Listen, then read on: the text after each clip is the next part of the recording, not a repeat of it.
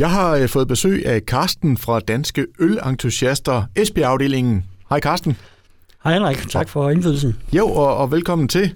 Og øh, traditionen tro, var jeg lige ved at sige, så har du taget lidt smagsprøver med, som vi skal kigge på. Det er jo lokale øh, øl, vi har med at gøre her. Men lad mig lige starte med at høre, Karsten. Altså 2020 har jo stået i coronaens tegn, og det har vel også haft indvirkning på jeres forening? Det har det i stor grad. Uh, vi var desværre nødt til at af, aflyse øh, vores ølesdag i år, hvor vi havde øh, fire lokale bryghuse, der ville komme og konkurrere om at blive kåret så, om at vinde EM i, uh, i bryg. EM i den her sammenhæng skal måske så lige gøre opmærksom på, står for Esbjerg-mesterskaberne og ikke Europamesterskaberne, selvom det selvfølgelig også kunne have, have deltaget i det. Så jo, det var, det var en trist meddelelse, og det var med kort frist, vi var nødt til at aflyse det, men som du jo rigtig nok har sagt, så kan man jo altid drikke øl på et andet tidspunkt, og folkesundheden kom naturligvis først. Men vi håber på at være tilbage igen den første lørdag i september til næste år, og så igen afvikle ølsdag op på torvet. Det har vi haft stor succes med, og det håber vi også på at have igen i 2021. Det satser vi på. Ja. ja. Men ellers sådan 2020, hvad har det sådan helt generelt set været for et ølår, kan man sige? Jamen, der har været en del nytænkning uh, inden for det. Altså, uh, de sidste par år har der været sådan en stor tilgang af, af amerikanske øl på markedet, og den måde, man har brygget øl på i USA, blandt andet med en uh, New England uh, Pale Ale, som er, som er kommet ind. Uh, I år der ser man, at man går lidt mere tilbage til traditionerne rundt omkring. Der har været stor udvikling. Vi har blandt andet fået et, uh, ja, som du har selv haft et besøg af, også af Mikkel fra Ølværket, og de har jo startet et nyt uh, bryghus op herinde centralt i Esbjerg, det venter vi os meget af. Det bliver spændende at se, øh, hvad der kommer ud af det. Og det er i hvert fald noget, som lokale bør støtte op om. Hvis man har interesse for øl, kan man kigge forbi der og få noget og smage noget spændende, interessant øl. Vi kan også se, at udvalget i supermarkederne igen i år er blevet større. Det er vi da også glade for at se. Og så synes vi generelt, at kvaliteten af det øl, der bliver brygget, også her lokalt, er blevet højere i det år, der er gået. Og det er vi da også rigtig glade for. For efterhånden der er der ved at komme så meget nyt øl på markedet, at det er svært ligesom at sige, jamen, hvad er det, man skal smage på. Så også inden for foreningen Danske Entusiaster har man haft en diskussion om, hvad gør vi fremadrettet? Foreningen har jo altid kåret årets ølnyhed, og nu begynder man måske mere at gå ind og, og sige, skal vi, øh, skal vi stadig for ikke øh, kåre årets bedste øl? Og det støtter vi op om i lokalafdelingen i Esbjerg og siger, at det er faktisk også den vej, vi gerne vil gå. Lad os få noget mere interessant øl øh, ud, som øh, vi alle sammen kan smage på, i stedet for at der bare kommer en øh, masse meter varer, sælger noget lidt, lidt færre, men øh, bedre øl på markedet. Det ser vi gerne. Stiller det så også øh, større krav til de her små producenter, at, øh, at nu er konkurrencen på et eller andet plan ved at være så hård? Jamen det gør det. De, de leder jo alle sammen efter en niche, hvor de kan være, ikke? altså en type øl, de gerne vil brygge. Og så kan man se, at dem, der, der går op i deres håndværk, og ølbrygning er jo netop et håndværk, og går op i det og ligesom arbejder med tingene og prøver nogle forskellige ting af, jamen det er også dem, der, der holder i længden. Hvor mange, der kommer ud, som laver en, øh, en gængs øl, de er svære ved at slå igennem, fordi der er simpelthen for mange på markedet. Så man skal have sin egen lille niche. Det kan være, at man er, er det eneste lokalt. Det kan også være den type øl, man brygger. Det ser man også, øh, hvis vi kigger for eksempel til Faneø, kan vi jo se, at der har man brygget meget kraftigt og specielt øl derovre også, som øh, det er den vej, man har gået de sidste par år derovre, hvor man går lidt væk fra det, man tidligere gjorde, hvor man bryggede lidt mere hen imod det, det tyske marked, og så mere en pilsner-type. Det, man går virkelig væk fra, det betyder så også, at de har fået et stort marked, for eksempel i Frankrig, i prisområdet. Mm. Tænker du også, at vi sådan søger lidt mere, hvad skal vi sige, oplevelser? Nu var du selv inde på øh, ølværket, der åbnede sådan et lille bryggeri her lige rundt om hjørnet her nærmest. Ja, det er din stamkage. Det er din stamsted ja, det, kan, det kan da hurtigt blive i hvert fald. Øh, der er Ribe Bryghus, der jo også har åbnet, ja. ikke? Altså, er det sådan lidt det, det vi, vi søger, at vi skulle have de det, oplevelser? Det tror jeg, det er. Altså, Ribe Bryghus har jo også flyttet i nye lokaler nede på remissen, nede ved, altså på jernbanen nede, nede i Ribe, hvor man kan komme til. Man kan faktisk se, øh, hvad der bryggeprocessen dernede, også når man er dernede. Store, flotte lokaler. Og de har jo så deres type øl, som de øh, bruger, og det er så meget vendt hen imod sommerhusområdet og det, og det lignende, hvor man er ude ligesom at sige, jamen, hvad er det, der kommer der mest? Det er primært tysker, ergo har man brygget et øl, der appellerer til dem, men dog tilsat en masse lokale kendetegn også. Altså, de lavede for eksempel deres lutterøl her til i forbindelse med 400 år fra, var ikke 400 år, fra reformationen, vi havde her, eller var det 500 sidste år? det kan jeg ikke engang huske. Men, ja, du skal ja. heller ikke spørge mig. Nej, men, øh, øh, men i hvert fald i forbindelse lavede man en, en, en øl, øh, og der lavede man faktisk en, øh, en mørk hvidøl, ja. som ikke ser så mange steder i Europa. En fantastisk øl, som vi har lavet dernede også. Ja. Og så med citater af Luther der på øh, etiketten, og der tror jeg faktisk, der er fem forskellige etiketter med forskellige Luther. Øh, øh, citater på. Ja.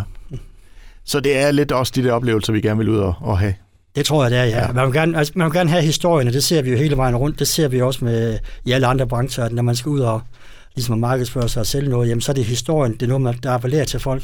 I dag kan vi jo søge alt, hvad vi vil på, på nettet, enten det er tv, radiokanaler, som Radio Victoria her er, og det lignende, som folk kan søge. Og der søger man efter det, der passer til en. Mm. Og det er også det, vi vil se i, uh, på ølmarkedet fremrettet. Og man kan sige, med øl er der den fordel, at der kan man lave mange flere nuancer af typer øl og smagsnuancer, end man for eksempel kan med vin. Så nu har jeg sådan set også dit ord for, når jeg sådan knapper en øl op derhjemme, så kan jeg sige til konen, at jeg er i gang med at studere historie. Det kan du gøre, ja. Og så er der, nogle, og så er der endda nogle bryggerier, blandt andet øh, bryggeriet over ved, ved Nyborg, som laver el nummer 16 over Rapsvente Bryghus.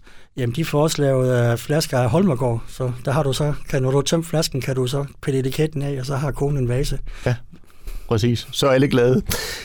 Karsten, du har jo som sagt øh, taget lidt med øh, tre forskellige øl, øh, og det er jo juleøl, vi skal kigge lidt på. Hvis vi sådan lige kigger lidt på, altså er der sådan nogle tendenser inden for juleøl i år?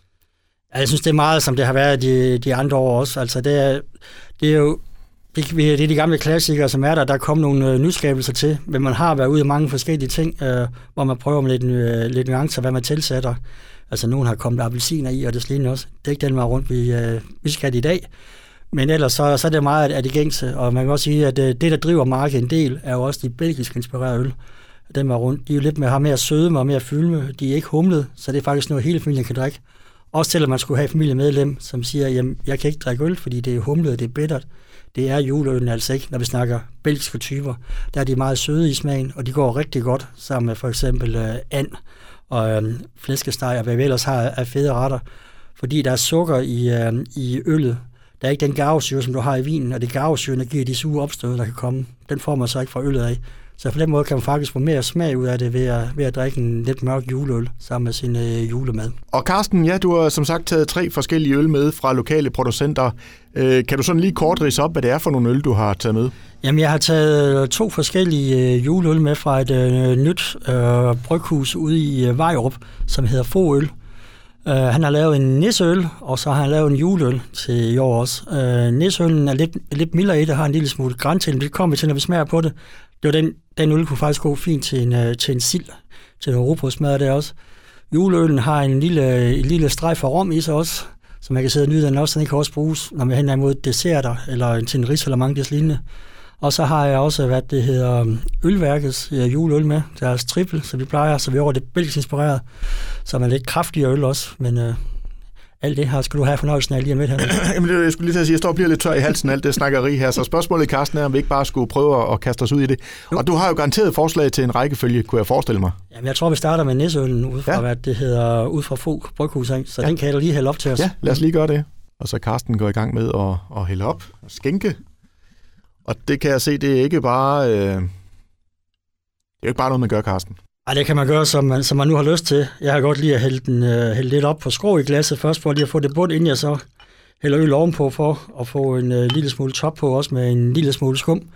Men det er jo, så man, så man ønsker at gøre tingene. Jamen, øh, skal vi smage på den? Lad os prøve det. Og så siger vi jo højt skum, ikke? Højt skum, ja. Højt skum, ja. Ja.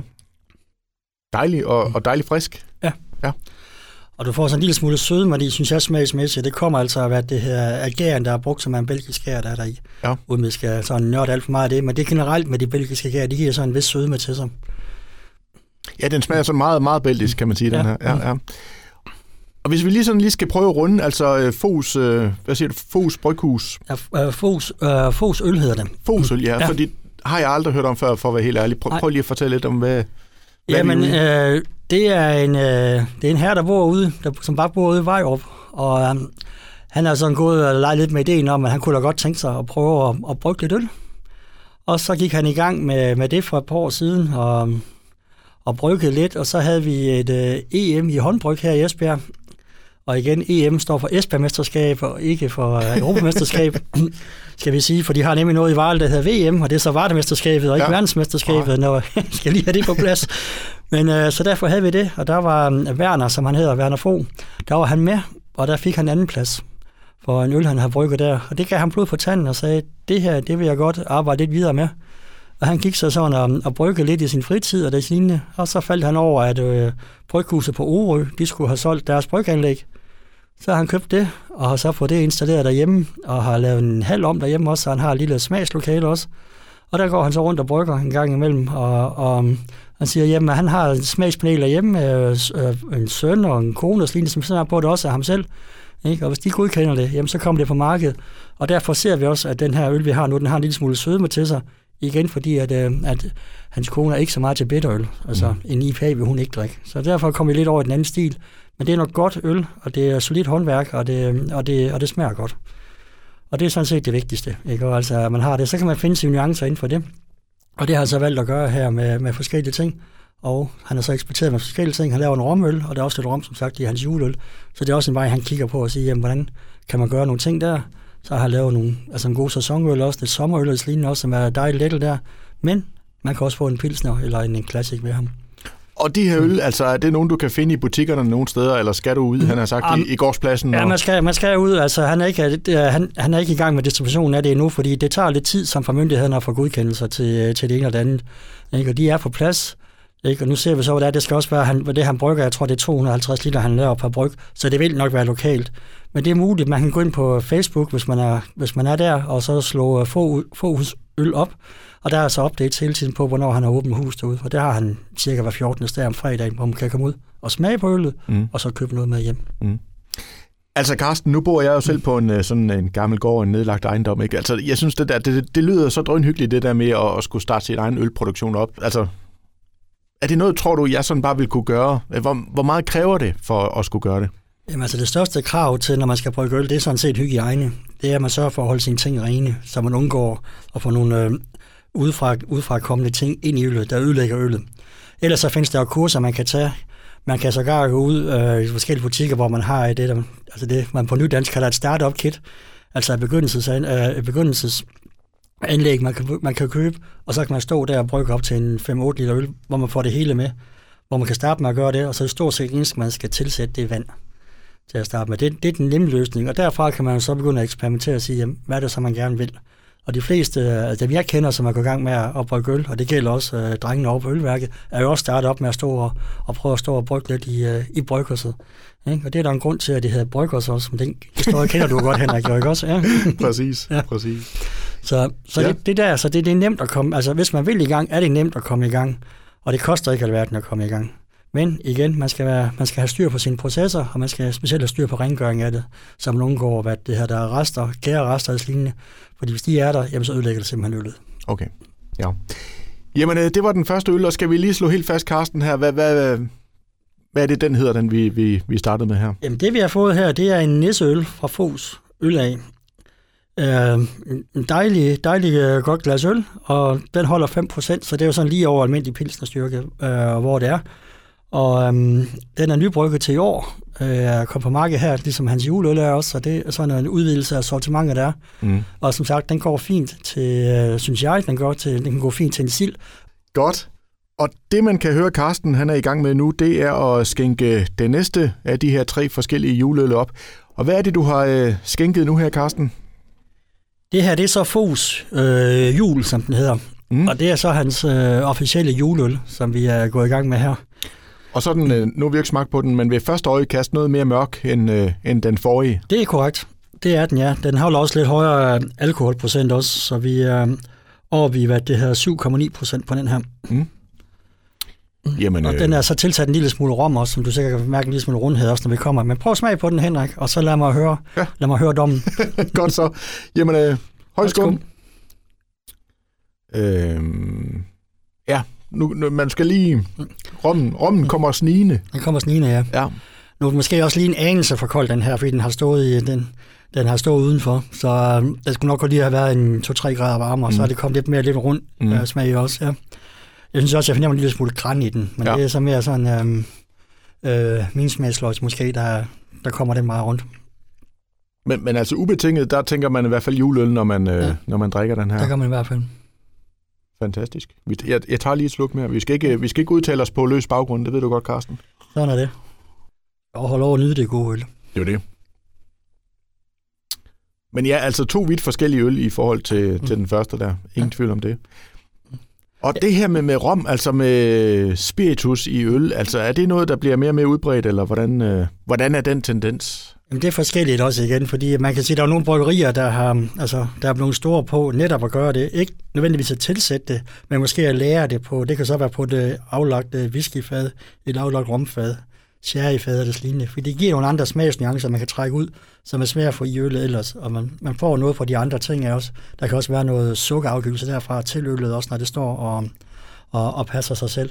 Og så er det spørgsmål, lang tid man have det stående. I dag bliver meget af det øl lavet på ståltanke, og der trækker man jo ikke noget smag ud. Mm. Så det er nogen samtidig, når man lige vil lidt ekstra, lige kære lidt mere for det, jamen så prøver man at lægge det på nogle, øh, nogle træfade. Fantastisk. Mm. Jamen, øh, hvis vi lige skal opsummere her, altså den her øl her fra Fos, her, øh, mm. hvis du lige skal opsummere på den. Jamen altså, det er, det er jo en juleøl, som en, en, en lidt stærkere ende, vi har her, der kan godt kan bruges. Den, kan, den her vil også godt kunne serveres for eksempel til et ostebord, og sådan også, hvor man har det som, øh, som et lille glas der til, også hvor man kan sidde og nyde det.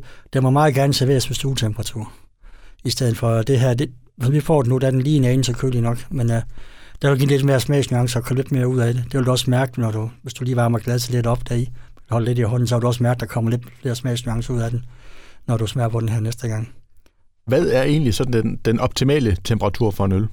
Det kommer man for hvad for en type øl, vi snakker om. Okay, det er ja. ikke bare... Nej, det er det ikke. Nej. Nej.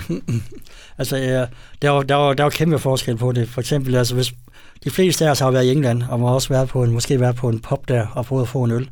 Og får man en lokal ale, for eksempel, jamen så vil de fleste danskere synes, at det er der noget mærkeligt noget, for den er alt for varm. Mm. Men der skal den jo serveres med en der 10-12 grader, som englænderne gerne vil have den, den skal være. Det vil jeg ikke servere en pilsner ved. Den vil jeg selvfølgelig have køligere. Men igen, det afhænger af altså også med alkoholstyrken og lignende. Man siger tit alkoholstyrken, og så um, et par grader plus minus inden for det, er ikke? Okay. Og så vil sige, hvis du har nogle øl, der er en 10-12 procent hjemme, så skal det ikke være 6 grader varmt. Så er vi altså oppe i den anden ende, også for at få uh, smagen ud af det. Og generelt kan man sige, altså jo højere alkoholprocent der er i, så gør det heller ingenting, at, uh, at øllen er lidt varmere. Det var så de uh, to juleøl fra uh, Fos. Uh, nu skal vi så til den tredje, du har taget med. Og der er vi over i en uh, juleøl fra Ølværket. Ja, det bliver ikke meget mere lokalt end det. Øh, så det er deres uh, traditionsrige juleøl, som hedder Triple Xmas. Af navnet kan man så se, at det er også belgisk inspireret. Den var rundt, og det er også en lille let sag på 8,3 procent. Mm.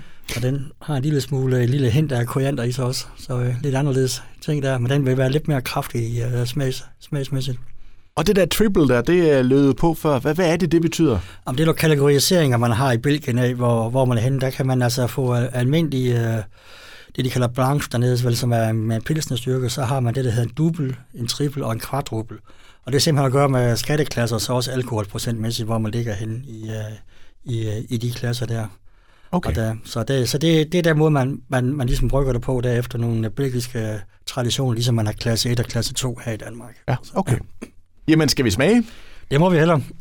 Og Carsten, han hælder endnu en gang op, og øh, ja, hvis vi sådan lige tager fra udseendet, hvordan vil du så beskrive øh, sådan lidt ufiltreret måske? Øh, ja, ja. Mm. Det, er ikke, øh, det er ikke helt forkert.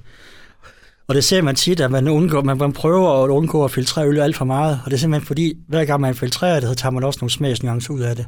Så bryggeren vil gerne, for at holde det, have det, have det ikke så ufiltreret som overhovedet muligt, men trods alt, det gør sådan, så det, så det er til at have med at gøre. Og det betyder også, at man godt kan, det kan godt forekomme, at der er nogle gærrester i, i bunden af en flaske, for eksempel. Mm. Fordi det er den måde, man gør tingene på. Men det er med til at give noget, altså noget smag til øl og det lignende også, og ja, personligt synes jeg at det er en del af charmen, at, øh, at det forekommer også. Og det finder man altså også i de helt store bryggerier, blandt andet i Belgien også, hvis man har noget af deres øl, man får det købt, og det ligger lidt ned på siden, så kan man godt se, at når man uh, sådan lige rejser øllen op igen, når den skal åbnes, at der sidder nogle gærerester på, uh, på indersiden af glasset.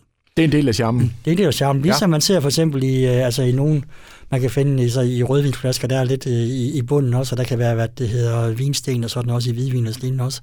Det skal man sådan set tage lidt som et kvalitetsstempel. Ja. Jamen, øh, jeg tager dine ord for gode varer, og så siger vi øh, højt skum. Højt skum. Ja. Og det er jo en dejlig, øh, skal vi sige, fyldig Ja. Det er også en god fylde i den her. Ja, altså ja. det, det er, man sidder og nyder stille og roligt, og igen, den her vil jeg sige, kan gå godt til, til et ostebord bagefter, hvor man sidder og man, ja, med, med om det er ostefingre, eller lidt, lidt, lidt fede ost der, eller vi er over i de, hvor vi igen har nogle, øh, nogle brier, eller hvad det er, ellers er. Altså, der, der den her gå fint til, ja. og nemt bliver overdøvet. Den kan gå der, der kan man selvfølgelig også tage et glas portvin, men man kan også tage en, for eksempel en uh, triple Xmas fra, fra ølværket, og nyde det sammen med sit ostebord. Ja. Og øh, hvis du sådan med dine ord sådan lige skulle prøve at beskrive den her øl her fra ølværket her, hvordan vil du gøre det? Jamen altså, jeg giver ret i, den, den, er, den, har, den, den har fylde, den er, den er rund i smagen. Den har en, jeg kan også smage en lille smule den koriander, de siger, der er der i også, kan jeg, godt, øh, kan jeg godt fornemme også. Den er ikke kraftig, men den er der. Så, det, øh, så igen, den er meget belgisk inspireret, så du har den her søde med igen i, øh, altså i, øh, fra gæren af også, som, som, som er i det, som er i øllen. Så et øh, ganske fortræffeligt glas øl. Ja. Og hvis vi lige skal runde ølværket, så må man jo sige, at de, de har jo fart over feltet i øjeblikket, ikke? Det har de i hvert fald. Ja. Mm. Jamen det, jeg synes, det er meget spændende, som jeg nævnte før, også med lidt i gang i hernede i, øh, i Jyllandsgade, ikke? og Jyllandsgade nummer 14, om i baggården om, med at få lavet et, øh, et Esbjerg Brewhouse, som det jo hedder, med sammen med deres samarbejdspartner. Øh, det er noget, som jeg personligt synes, Esbjerg har trængt til. Altså man kan sige, i Varde har de to bryghuse, der er åbne. Riva har et også. Ikke? Esbjerg, ja, nu har vi så også et, og det, øhm, jeg, jeg finder mig rigtig meget af det. Det er spændende. De har nogle fantastiske koncepter for det, hvad de gerne vil dernede. Som jeg, ja, nu hørte jeg også, hvad, hvad Mikkel nævnte, da han var her. Jeg ved, at de stadigvæk arbejder videre på det, og få det ud over rampen der med noget, med noget fredagsbarts lignende, når vi igen kan komme til det her for, for de her, det, når vi er på den anden side af covid-19-epidemien, ja. som vi har. Men så bliver det spændende dernede. Der er en gård her også, hvor man kan sidde øh, hen over sommeren også, og, øhm, og, og sidde og hygge det. De går ind for, den, øh, for, for det frie øl, som er et koncept, hvor man går siger, at alle dem, der ikke rigtig sælger sådan kommercielt, forstår på den måde, at man ikke har bundet sig op på kæder og det lignende, de kan komme ind med deres øl der. Så der skulle også være mulighed for at få nogle øh, smagsprøver, måske fra mindre bryggerier rundt omkring i Danmark, som man kan være med til at støtte op om. Og det synes jeg er meget spændende. Øh, der sker jo en udvikling her i, øh, i lokalområdet også. Vi har jo blandt andet også fået Vestbro ude, ved, ude omkring Oksbøl, som er kommet til. Der er også noget rigtig fantastisk øl, som han går og arbejder med derude. Så, så der er nogle muligheder, og der sker mere her, og øh, der er gang i gryden for at se det på en måde, og det er det rigtige, der kommer frem nu. Altså det er det, er det øl, som, øh, som, som de fleste folk kan lide at drikke. Jeg kan lide at drikke det, og, og det, og det er et godt håndværk. Og det er det, vi ser også, altså, som vi har haft her med fra ølværket og fra få øl i dag, at det er solidt håndværk. Det, det er noget, der virker. Ikke? Og man kan jo se, det vokser år for år. Vi skal jo ikke så mange år tilbage, øh, så var der jo stort set ingen nye øl på markedet. Og nu, øh, når man sådan får opgørelserne fra Dansk Bryggeriforening, så er der jo ja, nærmest flere tusind bare i løbet af et år. Ikke? Altså, det er korrekt. Det går stærkt. Det gør det, ja. Øhm, man kan så sige, at øh, nu har jeg ikke de seneste tal med, men altså på et tidspunkt, da vi begyndte at lave specialøl her i Danmark, der sagde Carlsberg-gruppen, ja, det er fint, det må de gerne gøre. Vi koncentrerer os om at lave vores Carlsberg og vores Tuborg. Vi sidder godt på markedet, vi har, vi har over 90 procent, det er vi godt tilfreds med. Og så lige pludselig så finder Carlsberg ud af, jamen øh, specialølgruppen, uh, specialøllen er nu ved at være op på en 10-12 procent af markedsandelen. Og så skal de også i gang. Og det har vi så set med, at de har lavet Jacobsen. Vi kan se, at de har været og kigge på mange ting, de gerne vil gøre, hvor de også har været inde og altså at kigge på at sige, jamen, hvad kan de gøre?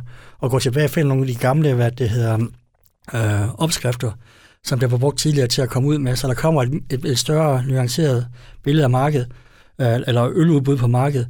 Og det er jo egentlig interessant, fordi indtil øh, omkring 2. verdenskrig, der var der et bredt udbud, øh, udbud af øl på markedet. Og så ligesom om efter 2. verdenskrig, så skulle man kun drikke pilsner. Mm. Og det fik man så lov til, og nu er vi så igen begyndt at åbne op for det. Selv tyskerne er begyndt at åbne op for det. De har deres Reinheitsgebot, og alligevel så har de små lokale bryghus lov til ikke at følge de regler, og så kommer deres egen type øl på, øh, og får dem ud på markedet. Så det er også meget spændende, og det ser vi altså rundt omkring i, øh, i Europa og Nordamerika, at det er den vej, det går. Og vi kan se, der rejser folk ind fra, altså fra Fjernøsten af også. Ja, det gør de så ikke lige pt, men det har de gjort herinde, ikke? for at være med til Oktoberfest i München. Det er så meget mere kommercielt, end, end, end det burde være. Det er en anden side af sagen, men de kommer ind her til Europa for at komme rundt og smage, og, og smage på de forskellige ting. Og det er da en interessant udvikling. Og det er vel også noget, jeg tænker, der glæder jer hos øh, danske ølentusiaster? Jamen det er det jo, fordi foreningen er jo grundlagt netop for at fremme, for at fremme det gode øl, som der står i vores formålsparagrafer. Og det er vi jo håber, vi er med til her at, at gøre. Ikke? Foreningen er selvfølgelig, altså med det medlemsantal, der er, er vi jo selvfølgelig, prøver vi at præge nogle ting også, også politisk. Det, øh, det kan man så diskutere, hvor godt det går, men man, men man prøver i hvert fald inden for pandsystemer og øl og det lignende, og hvad der, kan, hvad der kan komme ud der. Og det, der er spændende ved det også, det er jo netop at være med til at hjælpe de lokale. Det vil vi gerne her i Esbjerg, hjælpe de lokale bryghus med at komme ud, komme ud på markedet øh, og få, deres, få deres øl ud og det lignende. Så vi er rundt en gang imellem også at hjælpe med at servere noget øl for dem og det lignende også. vi har mødtes før hvor, øh, rundt omkring her i byen, hvor du har været ude og lave øh, radioindslag, hvor vi har stået ud også og serveret noget øl, så så du, du har jo set os rundt omkring, ja, ja. dengang, dengang ja, vi kunne det. Så. ja, dengang, og det håber vi jo selvfølgelig, vi vender tilbage til alt det der. Det håber vi også. Hvis vi sådan, øh, udover at vi gerne skulle øh, selvfølgelig væk fra alt det her corona-halløj, kigger lidt ind i, i fremtiden, altså hvordan tænker du, hvor er markedet på vej hen? Hvad, hvad, hvad kommer der til at ske? Jeg tror, vi kommer til at se meget mere i, i den stil. Også noget, der hedder altså et koncept, det er i Danmark, men uh, måske mere kendt internationalt, det hedder brewpops ligesom hvor man har et bryggeri, og så har man andre ting der til os. Det er lidt den vej, af, hvad det hedder... Um, ølværket går. Ølværket går dernede ja. også, hvor de gerne vil det. Måske ikke så meget på meddelen af det, men stadigvæk den anden vej rundt. Det er, hvad det kommer i det, det samarbejde med andre. Men jeg tror, at den vej rundt, vi, vi ser, det går, det kan vi se, det har stor succes i USA, det har stor succes i, i dele af Storbritannien, og det er også i, i Tyskland også, kan vi også se, at det kommer ind. Så ser vi også, at vi kan se, at man går ind og lave specialaftaler, hvor man går ind, altså vi har for eksempel industrien her, som har en aftale med, med bryggerier i Tyskland, der lignende også, hvor, man siger, hvor de så får lov at få deres øl op, og ligesom man har så ene ret på det. Det er selvfølgelig en udfordring for, for, for Carlsberg-gruppen og lignende. De har jo deres også. I England prøver man at gå op med de her ting ved at gå ind og sige, at øh, jamen, øh, alle popsene derovre er, øh, øh, i bund og grund ejet et bryggeri, og der har man simpelthen gået ind på lovgivningen og sagt, at man skal have en gæstøl. Og det vil vi også komme til at se, tror jeg, her forskellige steder også, hvor man går ind og gør det. Også for at få nogle, øh, for at få noget nyt ind og tiltrække nogle, øh, nogle nye kunder. For har man et spisested, så er det også meget, meget rart at sige, at øh, ja, man har en god menu, men man får også noget andet øl eller noget andet vin ind. Man ser jo også, at man skifter ud i vinmenuen. Mm. Det tror jeg også gerne, man vil se på ølmenuen også. Netop fordi det giver nogle muligheder den her vej rundt med de typer øl, der bliver brygget. Og man kan faktisk godt brygge noget øl, der er rimelig, der er rimelig målrettet imod en, altså en speciel ret for eksempel. Det er lidt svært med vin at få det til at passe. Så det bliver en helhedsoplevelse. Netop, ja. ja, ja, ja. Hvis vi lige skal runde jul her til slut her, altså øh, nu har vi jo smagt på tre juleøl her. Hvilken juleøl kommer til at stå på bordet hjemme hos dig juleaften? Ja, nu skal jeg ikke være hjemme juleaften, så det, men der kommer nok til at stå en, øh, nu skal jeg passe på, hvad jeg siger, jeg lover på min søsters vegne men øh, jeg, finder en god, jeg finder en god juleøl, vi tager med det også. Ikke? Jeg ved godt, at det ikke er, at, at min mor hun helst vil have et glas rødvin, så det bliver det nok også til. Så igen, det er så en, en afvejning af, hvad det, hvad det er, man gerne vil. Men der kommer en, øh, der kommer en belgisk inspireret juleøl på bordet her til, øh, her til jul. Og det kunne fint være øh, for eksempel en, øh, en triple X, som vi står med her, eller det kunne også have været, hvad det, her, det kunne også være Fols, hvad det hedder, øh, jul, som, som kommer med der også. Netop fordi den kan bruges til nogle flere ting. Den kan også bruge, de kan også begge to bruges som aperitifs, inden hvor man lige går og nipper til dem, mens man går og venter på, at øh, anden gosen, eller hvad man nu skal have til jul, den bliver færdig, ikke? og flæskestegen, så kan man lige, hvad det her, gå og nippe til den. Det tager den ikke nogen skade af. Nej, bestemt ikke. Og hvis vi lige skal opsummere og øh, afrunde her, hvad er det, en god juleøl skal kunne? Jamen, en god, en god juleøl skal jo, skal jo gå ind og sprede glæde. Det er jo det, den skal gøre, ikke? Og det skal man, man kan sidde og nyde, og, man, og, og slappe af med. Den har en vis sødme til sig også, så man kan komme ind der og stille og roligt, ikke? Og sidde i familiens skød, og alle sammen kan sidde og, og næppe til dem. Vel at mærke, hvis de er gammel nok til at må drikke. trods alt. Ja, trods alt, ja, ja. Altså, vi skal, vi skal også, det er op til den enkelte, hvad de, hvad de vil den vej rundt. Vi skal ikke stå og sige, at mindreårige skal drikke. Så. Nej, det går ikke. Mm. Men, men igen, altså, det må gerne have en vis sødme til sig, så går ind der og går, og går i harmoni med det mad, vi får, og vi kan sidde og slappe af, slappe af med, ikke? Ligesom, øh, ligesom folk gerne vil sidde og have mandariner, når den er lidt syrligt der omkring jul også, mm. så kan juleølen også gå ind der og, så, og, have, lidt, og have lidt sødme med det også, og, og gå ind og måske at være et, øh, et supplement til, vores, øh, til rødvin, til portvin, eller hvor man nu er henne, afhængig af, hvor, hvor kraftig en øl man ønsker sig. Det er sådan set ens egen øh, fantasi, der sætter grænsen. Og det er sundt nok lige at få prøvet nogle forskellige ting af, tænker jeg. Helt sikkert. Og der er mange muligheder. Det er der i hvert fald. Ja. Carsten, altid en øh, fornøjelse at besøge dig. Jeg siger tusind tak for besøget og rigtig glædelig jul. Tak fordi jeg måtte komme, og tak i lige måde.